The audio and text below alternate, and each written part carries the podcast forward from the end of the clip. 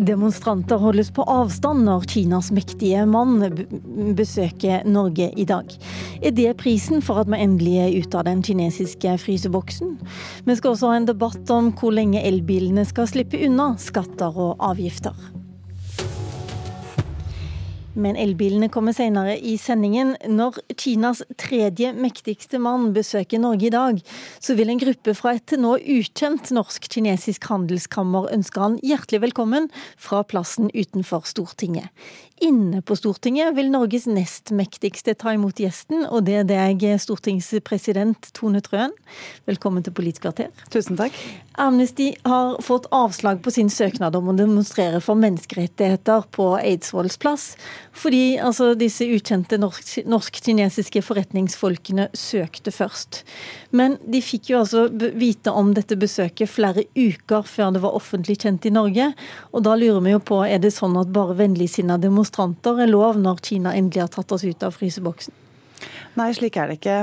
Stortinget har et, eh, et enkelt, åpent og uh, tilgjengelig regelverk. Det er den som, som søker eh, først, som får tillatelse til å stå på Eidsvolls plass. Men jeg er kjent med, og ble kjent med i går, at det er lagt til rette for at også andre stemmer kan ytre seg i dag, og at de vil kunne stå bak Eidsvolls plass, altså på gresset og i Spikersuppa. Sånn at det vil bli mulighet for ulike stemmer til å komme til orde i dag. Men eh, på første rad og på, på eh, nærmest eh, Kinas mektige mann, så, så, er det altså de som, som smiler og ønsker han velkommen. Forutsette, altså det, det høres jo rettferdig ut at førstemann til mølla-prinsippet gjelder. Men hvis det skal være rettferdig, så bør vel alle få informasjon samtidig? Ja, vi, Stortinget forholder seg nøytrale til hvem som søker, og hvem som får stå på Eidsvolls plass. Det er, det er, viktig, mener vi. Det er en rettferdighet i det.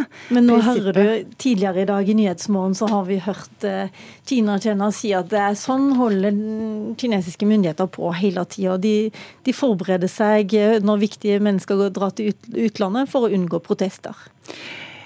Ja, Stortinget kan ikke gå inn og vurdere søkerne eh, som søker om å få stå på Eidsvolls. Vårt prinsipp er så enkelt at det er den som søker eh, først, som får eh, stå der og som får demonstrere.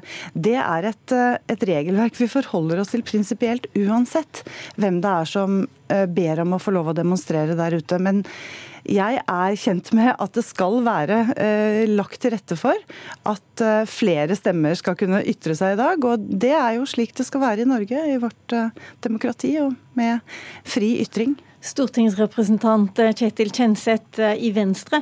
Du er en av flere som mener at eh, presidentskapet burde gjøre om sitt, sitt vedtak om å la denne kinesisk-norske, dette handelskammeret komme foran. Hvorfor det? Det her er jo en frekkis eh, fra Kina. De utnytter et, eh, et litt naivt regelverk vi har i, i, Norge, basert på våre tradisjoner for eh, demokrati og ytringsfrihet, for å, for å hvitvaske sitt eget regime. Det er jo bildene i Kina som er like viktige for dem. Og Det her passer ikke inn i norsk tradisjon for ytringsfrihet og demokrati. Vi må vakte oss for å bli en vaskefille for Kina internasjonalt, og at de skal stå langs den røde, røde løperen og Å demonstrere for sitt eget regime, det er veldig rart for oss. I Norge så demonstrerer vi stort sett mot. Eh, og det, det er veldig rart at de skal ha, ha den plassen. Følger du deg som en vaskefille, Tone Trøen? Nei, jeg forholder meg til det regelverket vi har. Og jeg um synes det er vanskelig å forstå uh, Kjenseth uh, annerledes enn at han da ønsker at vi skal fravike det prinsippet vi har om at Stortinget ikke går inn og vurderer de som uh, ønsker å demonstrere på Eidsvolls. Det er jo over 300 demonstrasjoner utenfor Stortinget i året. Det er ingen vurdering knyttet til verken politisk ståsted eller budskap. Det er rett og slett så enkelt at den første som søker, får stå der. Og det er et prinsipp som, som jeg mener eh, bør holdes. Vi må være prinsipielle. Og dessuten får de jo stå på gresset, Kjenseth. Ja, ikke minst. Men de får ikke stå i første rekke. Og de vises ikke så godt på de bildene som blir sendt verden rundt. Det her er litt av av prisen vi må betale for å, for å, krype ut av den fryseboksen vi har vært i for Kina. Når vi må utvide fantasispekteret litt vårt i forhold til eh, Russland og Kina, hvordan de vil påvirke eh, norsk demokrati. Vi er et lite land i, i verden, jo, uh, men stor humanitær stemme. Du, jo, du, er leder i Tibet-komiteen på Stortinget, og du mm. var også en som tok imot Dalai Lama når han var på besøk for noen år siden. Ja. Da var planen at eh, Dalai Lama skulle gå inn bak eh, veien og ned i stortingskjelleren. Ja, det var jo det presidentskapet tilbydde. Eh, å gå bak døra og ned i kjellerstua. En, en, lang kamp og mye protester, så fikk vi jo åpna porten inn på Løvebakken for en eksilmunk som har fått en fredspris. Mens, mens det er en stor kontrast til at, til at Kina med, med sin Eh, med, brutale, med, sitt brutale regime altså inviteres inn på rød løper og, og lagtingssalen pyntes. Det, det, er, Vi må vokte oss for, eh, for, eh, for, hvordan Kina vil påvirke oss. og det, de ønsker jo å ta i bruk den nye polare silkeveien og kommer nærmere på oss på alle vis. Og vi må ta våre, ta, vokte våre demokratiske tradisjoner og vår ytringsfrihet, og ikke bli satt under press av et Kina over veldig mange år, som vi står foran. Eh, med så sterke økonomiske interesser. Trøen, eh, til slutt, Presidentskapet har jo et skjønnsrom i tildelingene på Eidsvolls plass. Eh, kunne man ikke bruke det sånn, at, sånn som SV og Venstre krevde, at når det var klart at Kina hadde brutt en slags sperrefrist her for når besøket skulle offentliggjøres. Ja, for oss har det vært viktig å være prinsipielle i denne saken, og da ville vi jo endre spillereglene, eller endre, endre regelverket. Men spillereglene var jo ikke like for alle? Nei, men da, da vil vi altså gå inn og starte med å eh, begynne med skjønnsmessige vurderinger av hvem som skal uh, stå på Eidsvolls plass. Nå er denne beslutningen tatt. Jeg er jo kjent med at det blir mulighet for, for at andre stemmer også kan ytre seg rett i nærheten av Eidsvolls plass i dag. Men jeg har også behov for å si at dagens besøk er jo et offisielt besøk. Det følger de samme rutiner og prosedyrer som offisielle besøk til Stortinget gjør.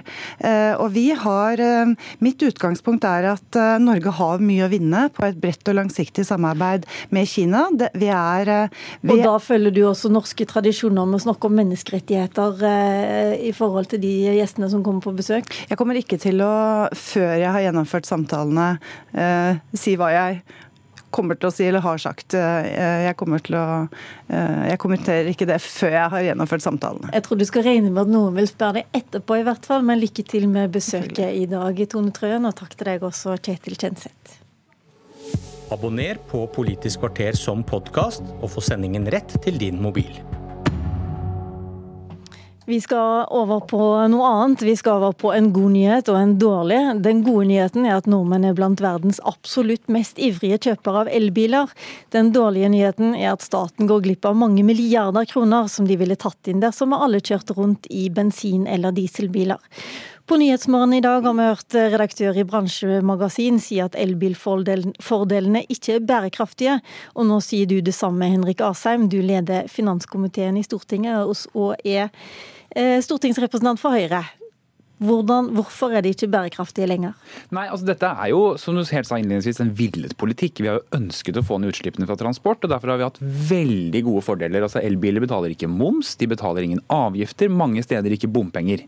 Problemet er at politikken har virket så bra at nå har vi 200 000 elbiler på veiene, og Stortinget har sagt at i 2025 så skal alle nye biler være lav- og nullutslippsbiler.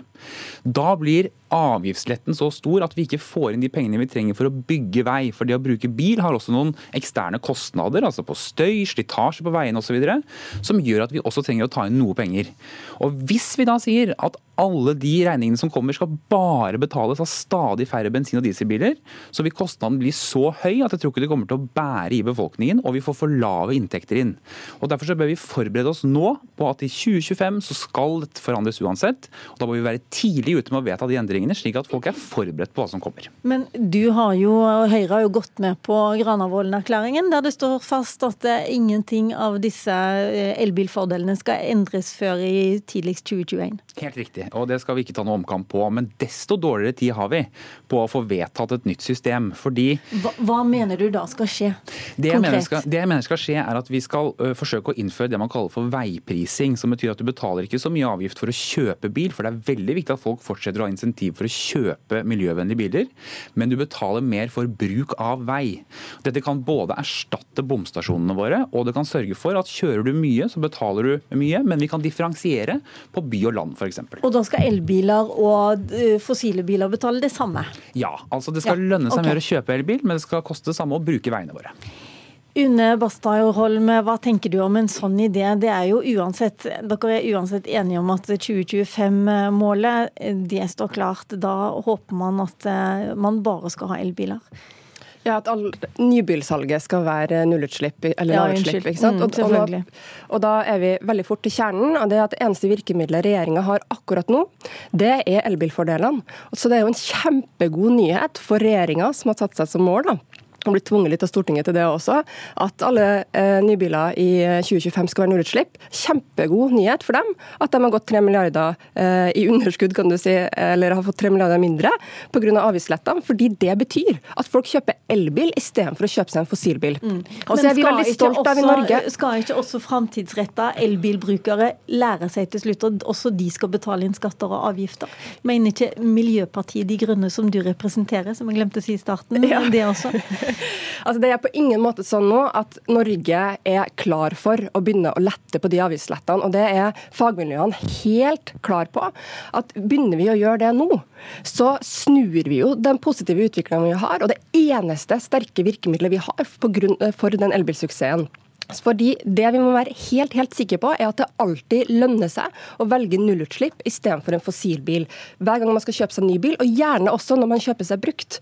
Eh, og Men det han sier, er vel bare at man skal begynne å planlegge? Kanskje du åpner for det, i hvert fall? ja, men jeg syns det er veldig uheldig at finanspolitisk talsperson for Høyre nå, muligens utsendt fra regjeringa, det vet jeg ikke, begynner nå å skal flørte med ideen om å fjerne elbilfordelene. For det er ingenting nytt at et regjeringsparti gjør det her, men det er nytt at lederen for finanskomiteen på Stortinget sier det. Og det her er jo ikke bare forventningskalibrering, det her er jo et signal om hva regjeringa tenker å gjøre. Og når regjeringa f.eks. ikke ønsker å innføre forbud i 2025 mot fossilbiler i nybilsalg, så har de ingen andre instrumenter. La oss da risikerer vi å gjøre som i Danmark, hvor vi gjør det usikkert i markedet hva som kommer til å skje. Man begynner å trekke tilbake eh, avgiftsfordelene for elbil. Og i Danmark, det som skjedde der, var at man snudde jo den positive utviklinga, og man fikk en økning i fossilbilsalget igjen. Vi må få svar fra noen på noen av spørsmålene dine også. Asheim, hvor stor del av regjeringen eh, er det du representerer her nå? Nei, jeg er ærlig ikke utsendt av noen. Jeg er meg selv, og det holder veldig lenge, det. Men det er Du er altså sånn at vi... nestleder i Høyres programkomité. Det er jeg, og vi skal jobbe med et program frem mot 2021. Og det vil jeg si, jeg mener at Alle partier må ha noen svar til velgerne før de går og stemmer i 2021 på hvor vi mener at dette systemet skal være i 2025. Og Det er i slutten av neste periode, så vi har ikke noe annet program å gå til valg på enn det programmet som skal vedtas da. Og Det må også MDG ta hensyn til. Og så er det sånn at sant, De elbilfordelene vi innførte i 2007, sa vi først når vi når 50 000 biler, så skal de bort. Så sa vi plutselig 100 000 biler, nå er det 200 000 biler.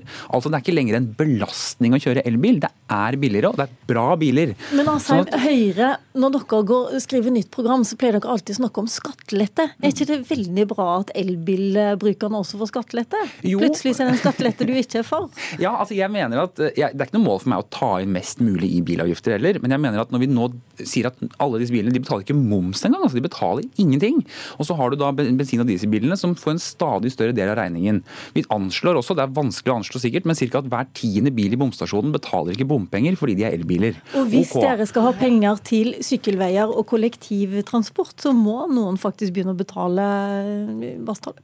Ja, men Nå blander jo eh, Henrik Asheim det som er de lokale tiltakene rundt bomringene, og det som er nasjonale eh, avgiftsletter som vi har, som er momsen og engangsavgiften når du kjøper en ny elbil.